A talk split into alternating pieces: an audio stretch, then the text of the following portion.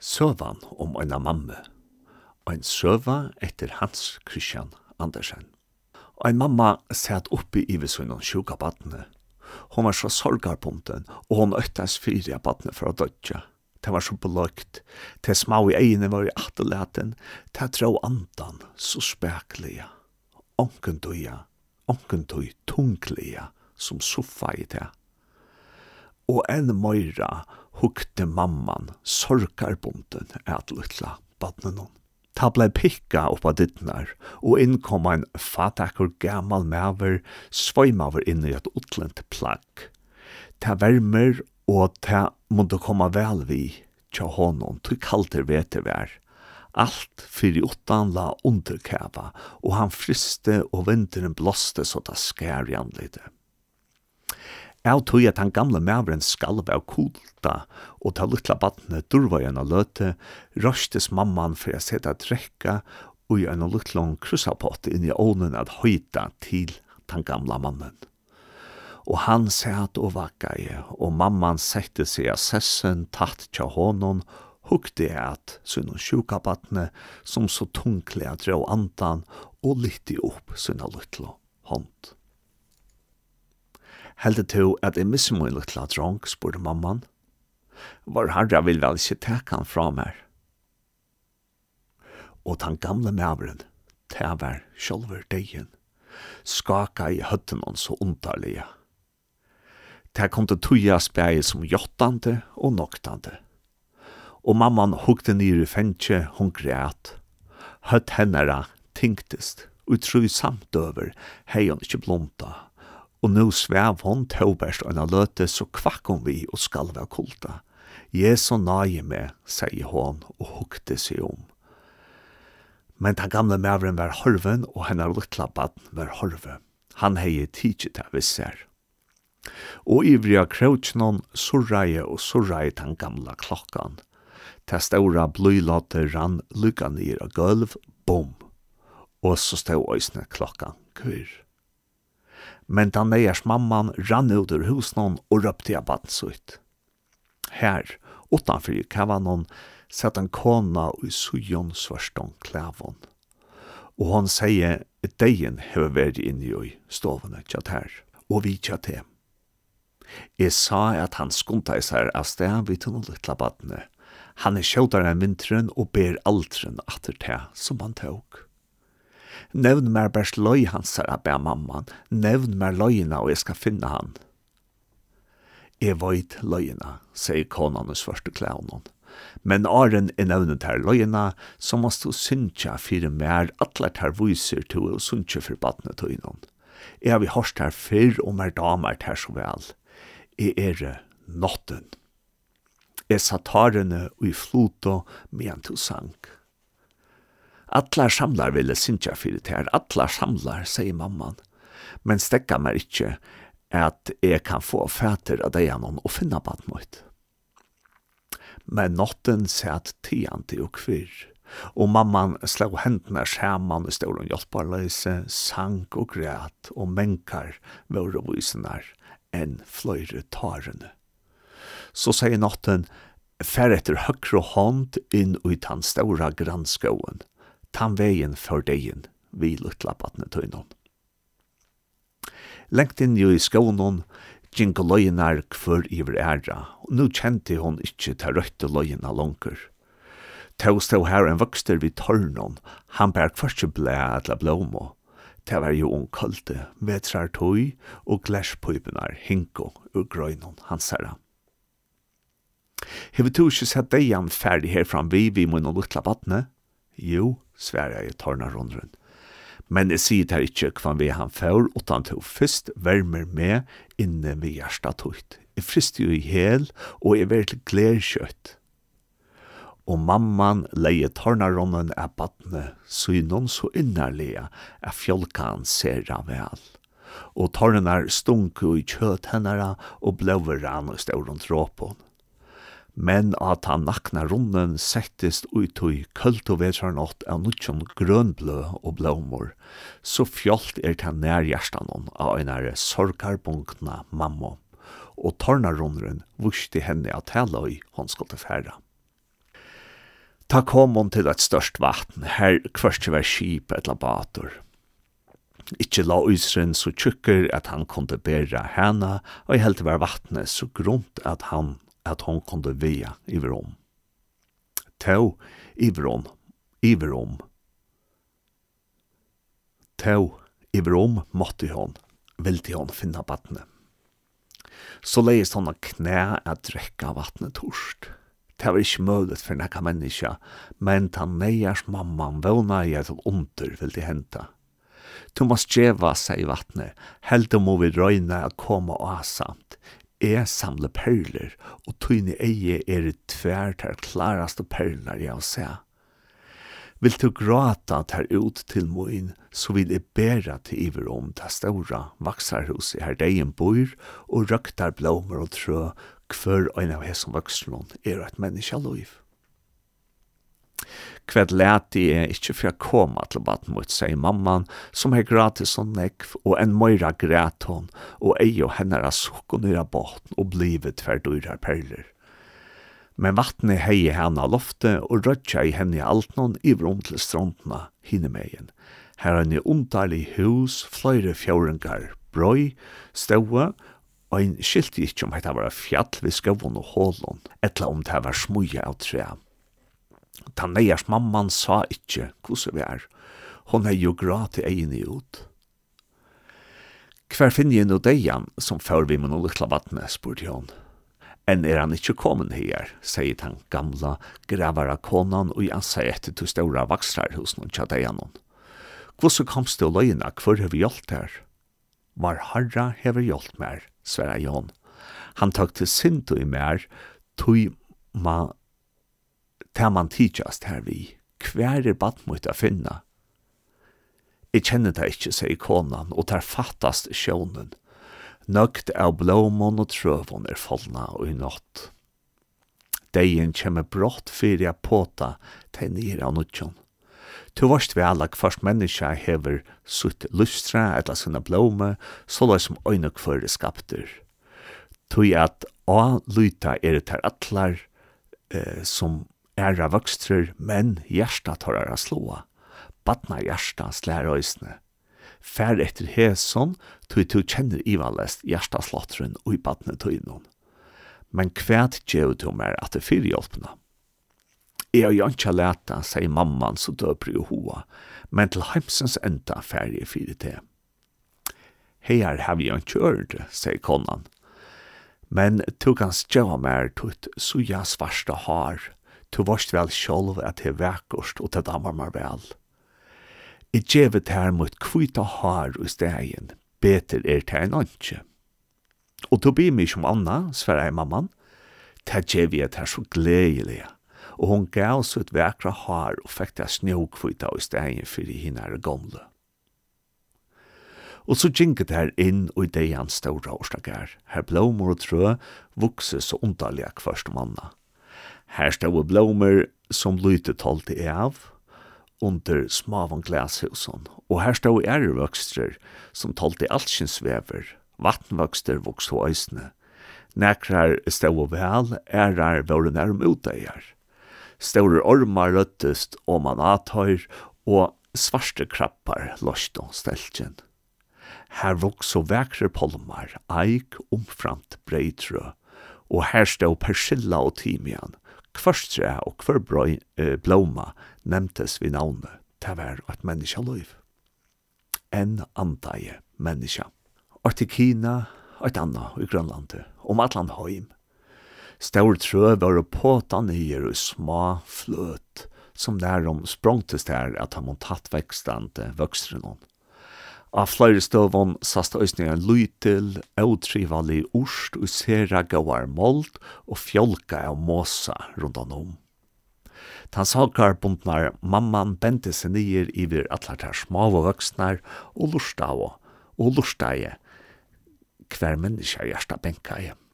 Og i mittle millioner kjente jo om badensut her er det, røpte han, og ratt i hånden ut etter en littlare blåare krokos som stod så nøyerslig av bøyen.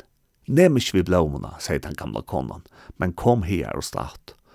Og ta degen kjemer, han kan komme og Arne veit av, let han ikkje teka vaksen opp. Si at to teker tar opp i etterstanda, så vil han bensjen, tog han sendte til svarsfyr var harra.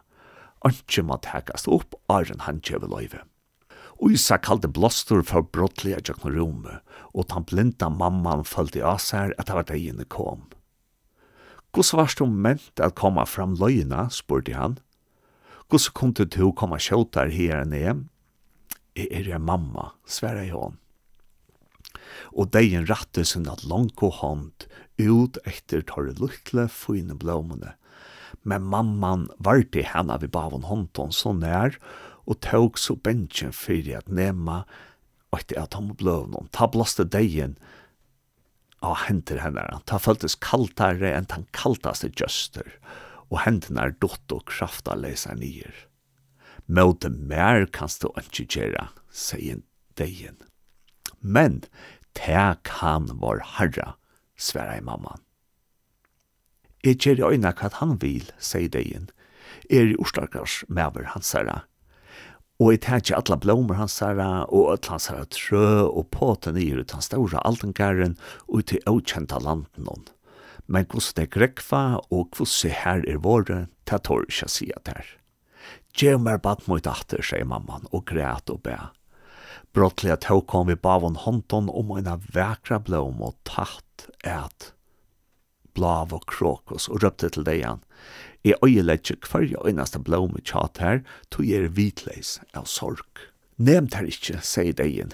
Tu sier til sjálva vera så ulukkelige, og nå vil du gjøre en æra mamma og lukka så ulukkelige. Og en æra mamma, sier han neiers konan, og slepte brått bavom blåmen hon. Her hever du eietøyne, sier deien. Jeg har fiskat deg opp ur vattnet, de lustes og bjarst. Jeg visste ikke det var et tøyne, takk deg. Tei er no klarare enn avur. Hiksa nyer utan tjuba brunnen her.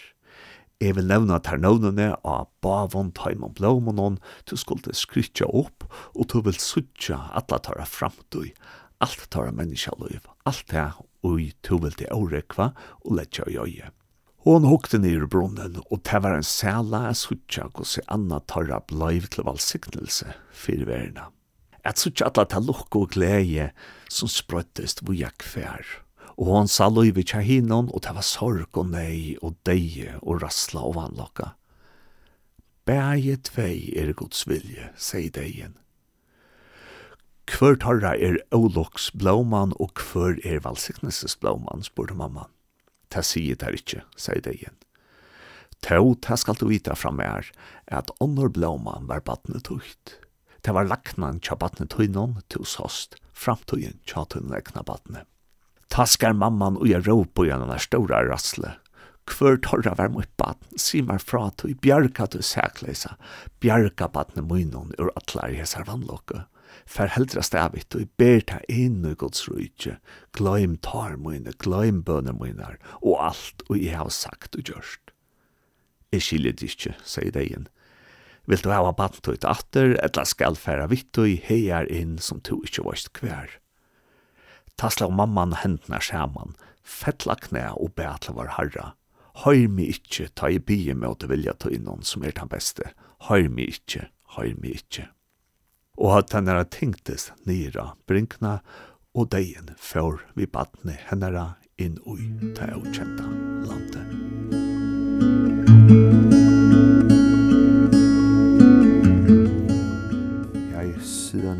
på menighedsfakultetet i Aarhus, og jeg sidder hos uh, Kurt E. Larsen, som er professor i kirkehistorie. Og øh, ja, og vi skal snakke om øh, H.C. Andersen og hans forbindelse eller hans øh, forfatterskab i forhold til kristendom. Og så den først grundlæggende kort, kan du ligesom fortælle, hvem var Hans Christian Andersen? ja, H.C. Andersen, som vi altid kalder ham, han var han er jo en af Danmarks øh, største nationaldigter og også en af de øh, forfattere i Danmark, som, som er mest kendt uden for, for landets grænser.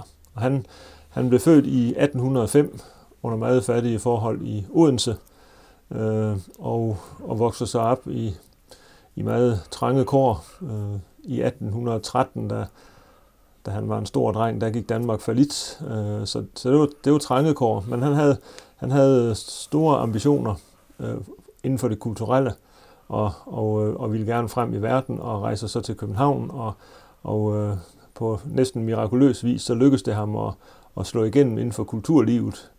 Øh, han skrev, og han sang, og han dansede, og, men altså det med at skrive var så det, det endte med at blive hans blivende øh, ligesom kald. Og, øh, og så efter, efter mange års øh, hårdt arbejde og anstrengelse, så, så lykkedes det ham så at, at få et navn som forfatter, sådan at han som egentlig føler sig som den grimme ælling i udgangspunktet, han, han ender med at, at blive den, den hvide svane, i, som så bliver øh, kendt ud over landets grænser.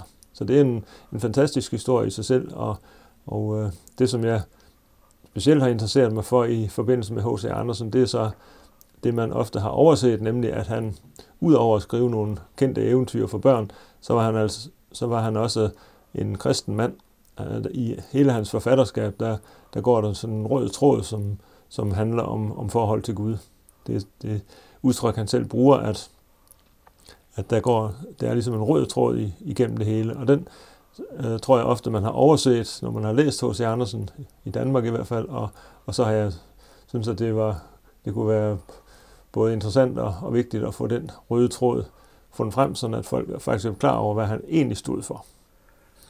Og, og, og når du siger, at der er sådan en, øh, et, et tema med, med, med øh, forhold til Gud, er, er det sådan, at han har skrevet direkte kristne tekster, eller er det mere sådan en underliggende tone, der ligger i hans tekster? Ja, det er faktisk øh, både og. Altså, han, altså hele, hele livet igennem, så havde han en, en, uh, skal sige, en, en barnlig og en folklig tro på Gud og, og, og bad om Guds hjælp, og det, det, kommer sådan, det skinner sådan igennem i, i hele forfatterskabet på forskellige måder. Så, øh, og han, han har en, skal vi sige, også en, en, en helt grundlæggende tro på, på skal vi sige, Guds eksistens og på, på djævelens fristelser. Så hele, hele hans øh, univers er også ligesom bygget op på de der gr helt grundlæggende ting i en kristen tro. Så det er sådan, det, det er med i, også i, i de al, skal sige, almindelige børneeventyr, han skriver og i romaner, som han skrev øh, en del af, og, så, så det er med hele vejen. Men derudover, så har han så også øh, nogle, øh, nogle tekster, som er, som er udpræget øh, skal sige, kristne, forkyndende. Altså han, han skrev rigtig mange digte, og nogle af de digte, dem anså han selv for at være salmer. Og, øh, og derfor er det også nu øh, den salmbog, vi har i Danmark nu, og den nyeste udgave af den danske salmbog, det er første gang, at H.C. Andersen er repræsenteret med to salmer i, i salmbogen. Og dem, han, han har skrevet dem som salmer, og, og det er de også. Så, så på den måde har han, har han tekster, som er, er direkte øh, forkyndende. Og så har han også, når man kigger på hans store samling af eventyr og historier, det er jo det, han er mest kendt for. Øh, og det er lidt sjovt, at det var egentlig lidt tilfældigt, han kom ind på den genre, fordi øh, han skrev egentlig, først skrev han rejseberetninger, og så skrev han, øh, skrev han mange digte og teaterstykker, og så midt i det hele, så tænkte han, at han kunne også prøve at skrive øh, eventyr. Det har hans gode ven Ingemann også gjort, og så tænkte han, det kunne H.C. Andersen også gøre, og så udgav han en lille samling eventyr, og det, det var sådan venstrehåndsarbejde, men det var det, der, der siden gør ham verdensberømt. Men han, han har skrevet cirka 150 eventyr og historier, som er, sådan, er samlet. Og i, øh, i blandt dem, der er der så nogen, som er enormt kendt af, af alle børn, i hvert fald i Danmark, med prinsessen på ærten og Klods Hans og Fyrtøjet. Men når man så er færdig med de der kendte eventyr øh, og kommer videre i bogen, så, så bliver man overrasket over, at, at nogle af hans eventyr er, er, sådan, er udpræget forkyndende. Øh, Der, øh, der er for eksempel det eventyr, som hedder Snitronningen, øh, som er en, en stærk forkyndelse af, øh, ja, af Gud og Gud og det, og Gud og det onde, og, og den hjælp, man kan have ved at og, og bede til Gud, og, og hvordan Gud sender hjælp, når man beder, og, og hvordan den enkelte tro på Gud øh, vinder over sådan en materialistisk livsopfattelse. Så, så snitronningen det vil jeg sige, det er en, det er en, en, en klar kristen forkyndelse ind i oplysningstiden, som var hans baggrund og hans modpol. Og så er der, altså det er jo ligesom, der, der forsvarer han ligesom det, at man kan tro på Gud i en tid, hvor i starten 1800-tallet, hvor, hvor mange tænkte, at det der, det er altså forældet. Altså moderne mennesker er nu 1825 kan ikke længere tro på Gud. Sådan tænkte mange. Men der skriver han så eventyr, der viser, jo det, det kan man faktisk godt. Og så har han også øh, hvis vi går videre til den anden trosartikel, troen på Jesus Kristus som frelser, så, så har han indimellem altså meget stærk forkyndelse af det. Der har han for eksempel et eventyr, som hedder Verdens dejligste rose. Det er sådan et, et lille eventyr, hvor der ligger en dronning på sit dødsleje, og, og øh, man har sagt til hende, at hvis hun finder, hvis hun får verdens dejligste rose, så skal hun ikke dø alligevel. Og så alle folk vil gerne have, at hun skal overleve, så de kommer med alle mulige roser. Øh, både ud fra haven, men også sådan mere overført betydning. Men, men ingenting hjælper indtil hendes lille dreng. Og det er typisk, at det er et barn, der kommer. Det lille barn kommer med, med øh, Bibelen og læser op om Jesu kors og den kærlighed, som han viste ved at dø for vores skyld. Og, og øh, da den lille dreng læser det for sin mor, så siger hun, nu nu har jeg set verdens dejligste rose, nu skal jeg ikke dø.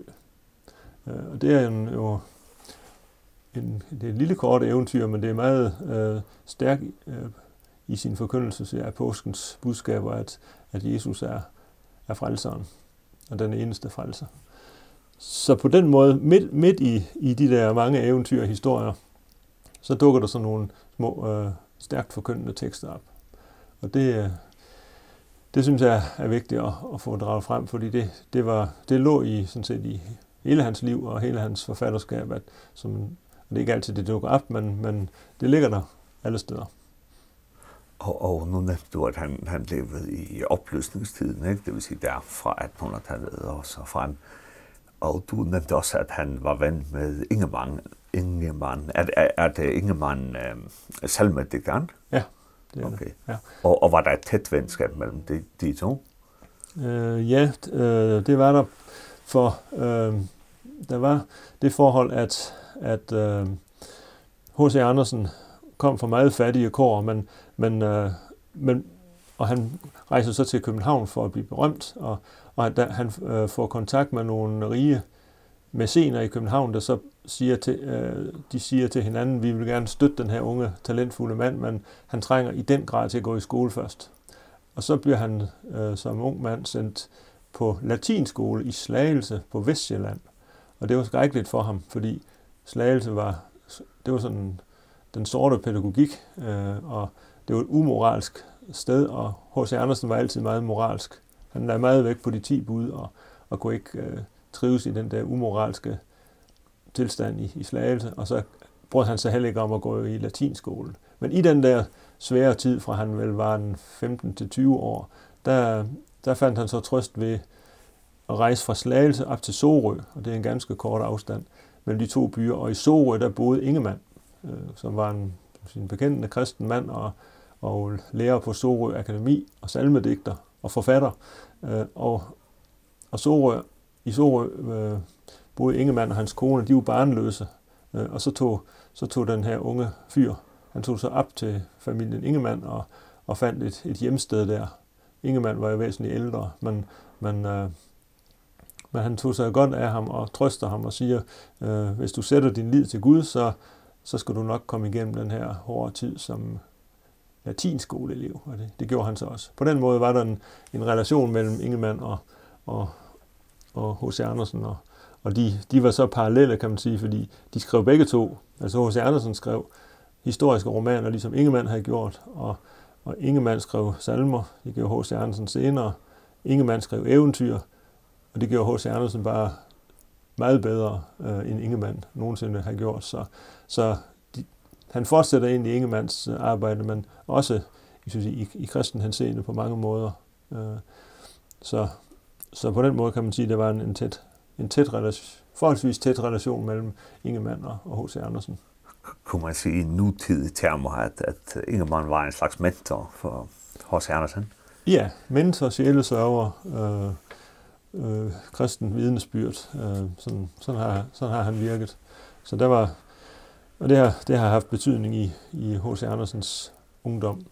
I det hele taget så var H.C. Andersen øh, han var, han var meget øh, frimodig af natur. Han, han opsøgte altid øh, alle, alle de, de kendte folk øh, uden, uden problemer og, og bankede på alle døre og, og, og søgte hjælp og alle steder. Så han var en meget frimodig type, og det er jo selvfølgelig en del af, af forklaringen på, at han kom frem i verden, at han, han skamløst øh, undlod at holde sig tilbage. Så jeg tror, nogle gange folk var lidt irriteret på ham, men, men altså han, han måtte virkelig kæmpe for, fordi han egentlig starter som den grimme ælling, og så øh, skal han kæmpe hårdt for at, at komme frem i verden. Og, og nu kommer vi så ind på dit fagområde, så det, vi er der i, i, i første halvdel af 1800-tallet, ikke? Og, og der er information stadigvæk ikke vokset frem, og kirken er måske sådan i en overgangsfase med øh, ja, med at, at, at der er flere, der, der går i opløsningstidens ligesom vej og i videnskabsvej. Men, men hvordan kan man sige, at, at kristendommen ligesom var på den tid? Ja, altså der var, som du siger, så var, der, så var det sådan en brydningstid. Altså der var stadigvæk, altså oplysningstiden var dominerende i sådan fra 1800 til 1830-40 stykker. Øh, Og det er jo så den tid, hvor H.C. Andersen var, var ung. Men, men samtidig med det, så, så begynder der en vækkelse i Danmark øh, i, på to niveauer. Dels øh, skal vi sige, fra lægfolket, og det var virkelig, der var virkelig langt dengang fra den almindelige bondemand i Danmark, og så op til de fine kulturelle lag i København. Men der var egentlig vækkelse begge steder. I, i bondestanden, der begynder det, vi kalder den gudelige forsamlingsbevægelse, hvor lægfolk begynder at mødes i hjemmene, øh, om Bibelen og, og gamle pietistiske bøger, fordi de føler, at præsterne i kirken ikke øh, prædiker det fulde evangelium, men de er sådan præget af oplysningstiden. Så lægefolket vil have den gamle tro, og, og det er sådan en voksende bevægelse. Og det er interessant, at man, når man læser hele H.C. Andersens forfatterskab igennem, så kan man se, at han, at han øh, har... Ja, faktisk så begynder vækkelsen på Fyn, hvor han selv var fra, Og den begynder lige, lige på det tidspunkt, hvor han forlader Fyn. Det vil sige, han bor i København og hører om den her vækkelse, og er først lidt skeptisk, men som livet skrider frem, så bliver han mere og mere positiv over for det vagte lægefolk og, deres, og den ægte kristne tro, som kommer til udtryk i, i lægefolkets øh, forsamlinger. Og det er så det, der, der i, i Danmark bliver til først til en, øh, den grundviske vækkelsesbevægelse, og så til intermission. Og der har han, ligesom, han har ligesom på afstand fulgt den her læg, Lehmanns bevægelse ud i, i bundestanden og, og bliver mere og mere positiv.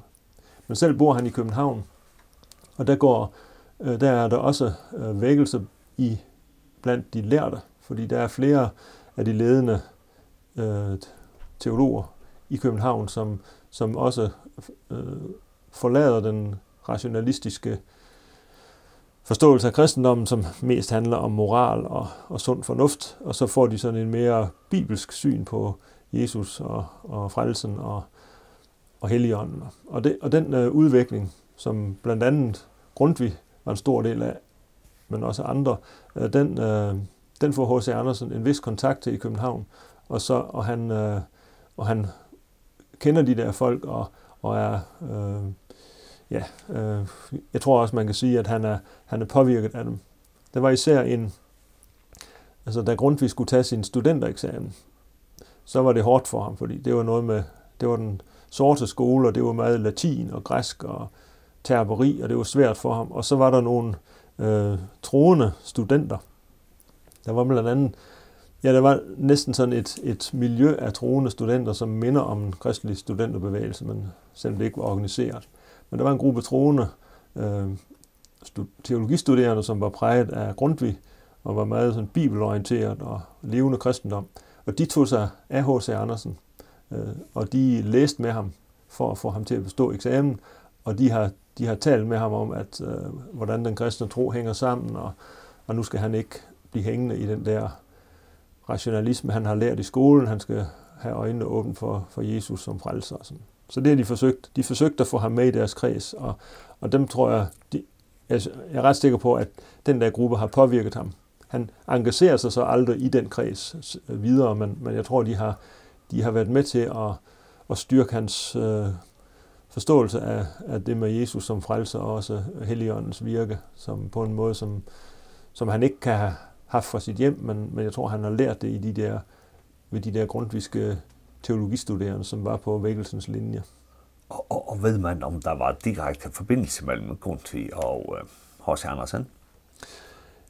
Ja, det var øh, nu nu var Grundtvig en øh, jo noget ældre og han var han var sådan Grundtvig var sådan en stuelært og lidt verdensfjern person, men men men han øh, så jeg tror at påvirkningen gik mere øh, gennem Grundtvigs disciple. Øh, blandt teologistuderende, og så til H.C. Andersen. Men øh, altså, der var også, altså de kendte godt hinanden, øh, og øh, en gang, en gang øh, de var, fordi begge to var, var tæt knyttet til, til dronningen. Dronningen kunne godt lide dem begge to, og, og ville gerne diskutere med dem begge to, men, øh, men der, der var de sådan lidt konkurrenter, fordi øh, de ville også gerne begge to øh, stå dronningen nær, så, så de er jo sådan lidt uh, rivaler der i, om dronningens gunst. Men, uh, så, så de kendte hinanden, men men stod ikke uh, hinanden nær, men det er jo nok egentlig mest fordi, igen den der, altså Grundtvig var sådan, han hørte til kultureliten og, og overklassen, kan man sige. Uh, og, og der var, og H.C. Andersen var den her, og skomagerens øh, fattige søn fra, fra Odense, som måtte kæmpe for det daglige brød. Så alene af kulturelle grunde tror jeg, at, at det kunne være svært. Og en anden samtidig, som du så ikke har nævnt endnu, det er Kierkegaard. Så Kierkegaard, Søren Kierkegaard, levede også øh, samme tid. Var der nogen forbindelse mellem Kierkegaard og H.C. Andersen? Øh, ja, men ikke nogen god forbindelse, for øh, det allerførste skrift, H.C. Andersen, nej, det allerførste skrift, Søren Kierkegaard udgav, det var en anmeldelse af, af en bog af H.C. Andersen. Og den øh, anmeldelse, den var negativ. Og, den, og det, H.C. Øh, Andersen var ikke glad for at få negative anmeldelser. Så det, så, øh, så, så det belastede liksom øh, forholdet øh, mellem, mellem de to. Og igen, så må man sige, der, der, var, der var forskellen øh, mellem de to personer, var den sociale forskel også nogenlunde så stor, som den kunne blive i Danmark, fordi Søren Kierkegaard kom fra den absolute øh, overklasse, en meget rig familie i centrum af København, og øh, og så og, øh, var meget sådan elitær akademiker og der var H.C. Andersen, var jeg, så, var jeg så et helt andet sted. Så, så altså også af den grund var der ikke nogen personlig relation, men, men København var jo et lille miljø, og de, de kendte hinanden, og de læste hinandens bøger, sådan man, man, uh, men Søren Kierkegaard øh, hørte til i et helt andet miljø. Og døde jo så også øh, noget før, men, men så var det også det, at, at H.C. Andersens H.C. Andersens øh, succes som forfatter starter egentlig mere i udlandet. Altså han blev, han blev først øh, populær i, i det store udland, inden han blev det i Danmark. Så han har svært ved at slå igennem her, og derfor, derfor øh, befandt han sig ofte på, på rejser. Nogle af hans øh, første og mest berømte bøger, det er rejsebeskrivelser fra Italien og andre steder, som, fordi han, han elskede at rejse. Og det var nok lidt, fordi han, han følte sig som den, den grimme ælling i, i Danmark. Og, og øh, hvis vi tager det der med Kierkegaard, ikke? At, at man ved, at, at William Beck fra Intermission var påvirket af Kierkegaard. Vi har også en, en retning på færøerne, som er påvirket af Kierkegaard. Og du fortalte, at, at, øh, at der var en forbindelse med, mellem H.C. Andersen og så de unge grundvigianere. Ja. Er der sådan en modsætning der imellem, ligesom? den kirkegårdske nye påvirkning i kristendom, mm. og som er der, hvor, hvor, hvor H.C. Andersen er påvirket af Grundtvig. Ja, det er, en, uh, det er meget...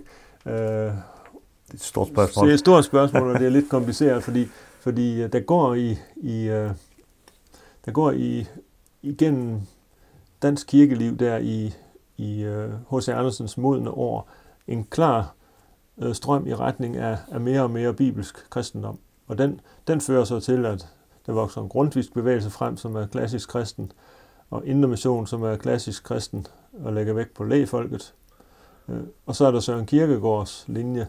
Øh, men der var også, øh, der var også det, en, en øh, folk som Københavns biskopper, øh, de stod også for sådan en mere og mere øh, øh, klassisk kristen linje, og det var nok egentlig mest dem øh, Grundtvig. Hvis han gik hvis H.C. Andersen gik i kirke, så så var det typisk ved de der øh, øh, biskopper og overklassens linje, som blev mere og mere bibelsk orienteret.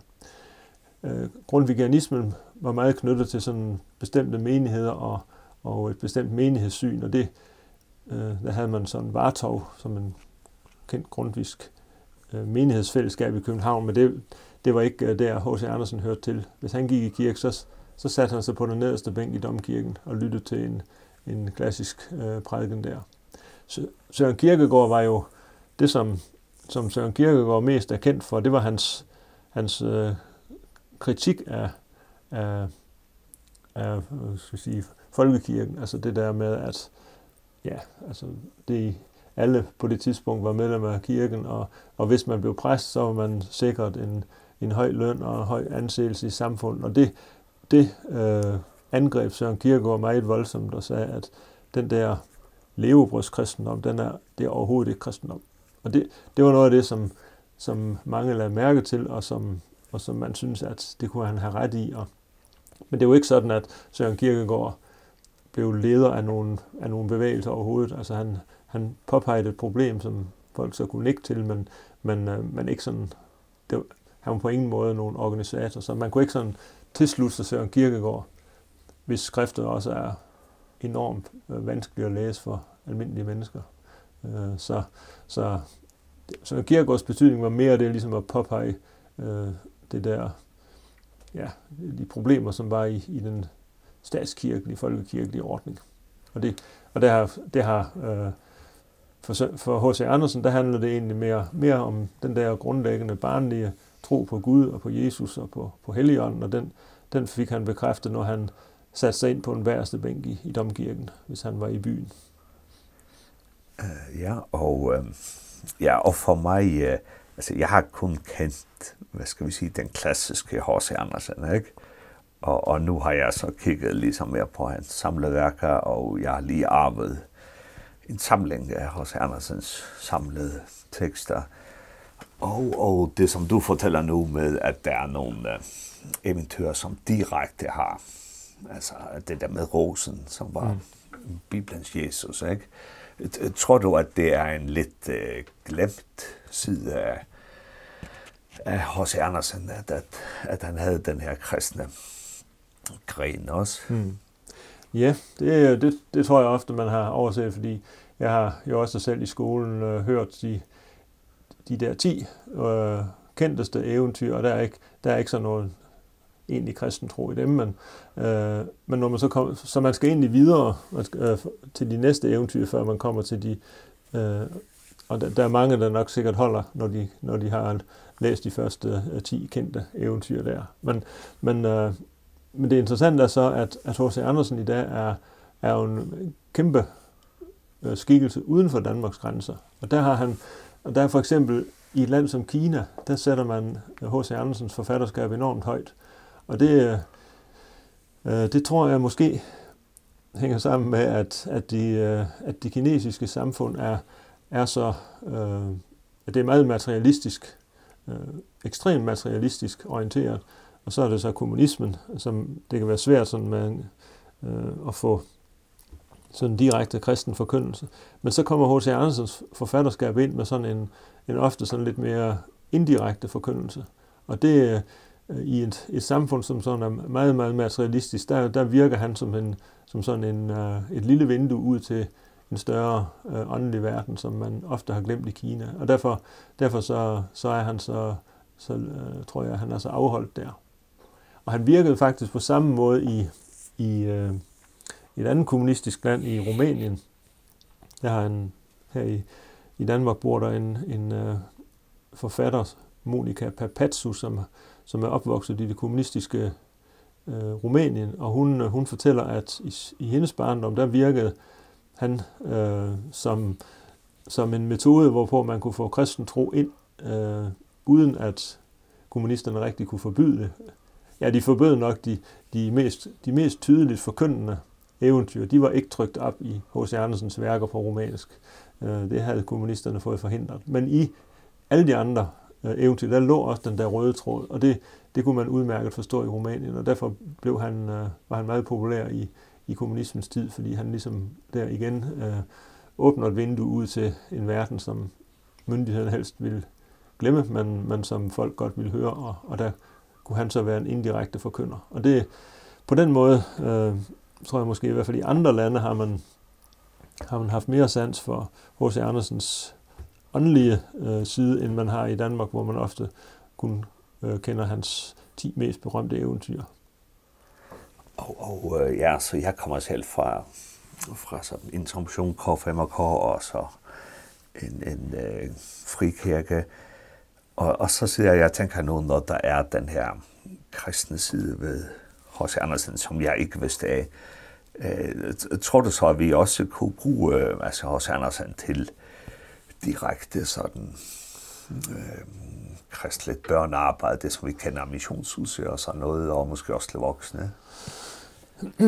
Ja, altså, jeg tror, jeg tror at han kan, han kan, øh, han kan have sin betydning i, i, øh, i vores sammenhæng, øh, ligesom han har haft det i for eksempel i, i Rumænien, altså folk, som, som egentlig på forhånd ikke er særlig positiv over for den kristne tro, øh, vil måske øh, spidse ører på en anden måde, hvis man, hvis man øh, faktisk kunne... Øh, ja, hvis man læste en historie af, af H.C. Andersen, og så, og så får en kristne forkyndelse ind den vej, det, det kunne måske en gang imellem være en, en, en sjov lille vinkel på øh, at få, få kristen forkyndelse med.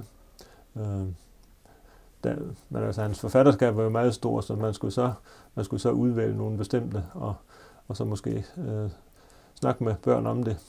Det ville jo være, jeg synes, at det ville være helt oplagt i, for eksempel i skolens, i skolens øh, almindelige danskundervisninger, at tage, og tage nogle af de øh, mindre kendte eventyr op og analysere på dem, og, og, og sådan. Så jeg tror bestemt, at, at, øh, at det, er, det er en mulighed at, at bruge ham øh, på den der måde, og, Og øh, jeg synes, det er, det er godt, at vi øh, altså, er lidt, lidt fint, at vi i Danmark øh, altså har en, en national digter, som, som øh, faktisk har den, den kristne tro øh, med. Altså det har han jo også for eksempel, når øh, mange kender øh, den lille børnesang, så hed, Hist hvor vejen slår en bugt, øh, ligger der et hus, der smukt, en fuldstændig enkel lille sød børnesang, men, men øh, så, ligger, så ligger barnet og sover i sin vugge øh, og drømmer om de, de engle smukke. Øh, altså, så altså, selv i sådan en, en børnesang, så kommer, så kommer det med, og, og det, det, er, det er fint, at den tone lyder.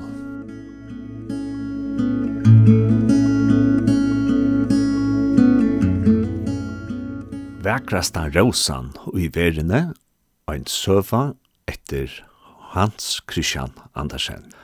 Øyna fer verta ein navn from drottning som åtte en orstagar. Og i hesson orstagaren vokso til vekraste blomstrene atlar orsens tøyer, og ur ötlån heimsens landon. Men fram om atlar elska i drottningen rosenar. Og tøy hei hon av gærnon öll roseslø som huksas konte, lukka fra tamon vittle, runda rosenon, som hadde grønblø og i enga og som surepler, og til vekraste rosenar som veksa og i Provence. Og rosenar vokse opp etter slottsmurenon, krøkte seg rundt om solenar og opp i vindet karmen, inn og i gansjenar og tvørster om loftenon i øtlånstovenon og imist vær som tar enka av og som tar våre og utkjønt og lite. Men Korstene var sot og sorg av slotten hon. Drottningen la av søttar søntjene, og laknaner søtte at hon for å dødja. Oit er korsene som kan bjerga henne, sier den klokaste av tøymon.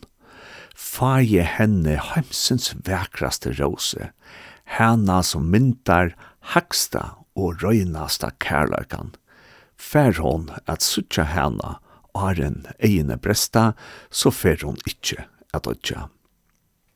Og bei ung og gommel kom vi råsson atlastane stedene fra, ta imon vekraste som var å finna og jorsta gørnon, men ønsken av hesson var ratta råsson.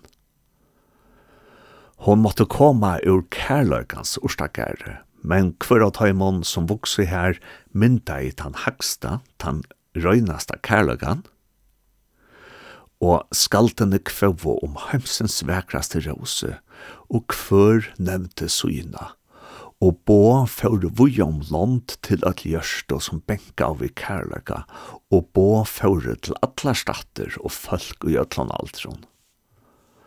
Angen hever enn nevnt blåmona, sier han vise. Angen hever enn vust av stegje, her hon kom til å komme fram i atla sanna dord.